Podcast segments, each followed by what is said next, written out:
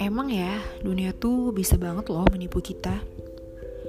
Saat dia ini sedang sibuk dengan aktivitas duniawi, bangun pagi untuk siap-siap beraktivitas, udah rapi, bersih di depan cermin. Kadang kita suka ngerasa perfect. Oke, okay, aku siap jalanin hari. Tahukah kita bahwa penampilan kita, cara kita berbicara, cara kita berkomunikasi, bercanda, semua yang melekat pada tubuh kita, gadget, sepatu, tas, baju, semua itu bisa banget loh menipu diri. Coba deh sekali-kali kita berefleksi.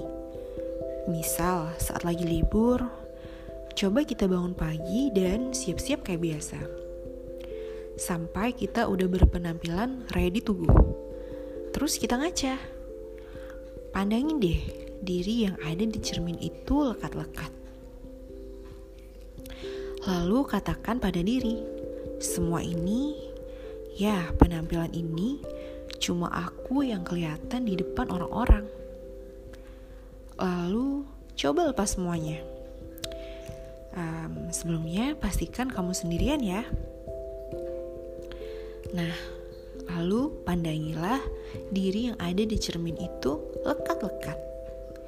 Dan bisikan pada dirimu, Nah, inilah aku yang sebenarnya. Aku di mata Tuhanku. Lihat kan? Jadi jangan tertipu lagi ya. Sejatinya kita ini cuma hamba yang gak punya apa-apa mau apa pun merek pakaian kita, merek sepatu kita, merek tas dan gadget kita, semua itu cuma titipan yang gak bakal kita bawa mati. Kesadaran kayak gini adalah hal klasik yang sekarang udah berasa mahal banget.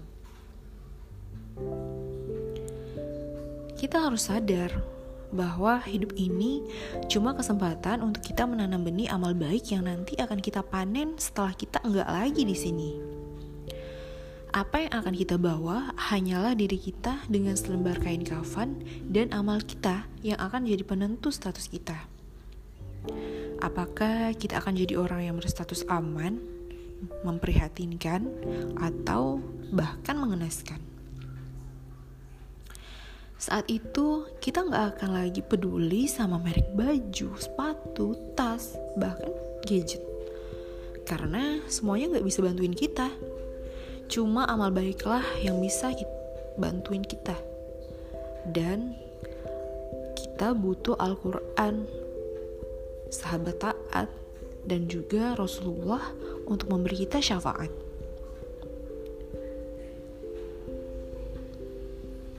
So, di kuburan yang gelap gulita seorang diri, kita nanti cuma akan ditemani oleh amal kita. Gimana wujudnya? Sikap kita hari ini yang akan menentukan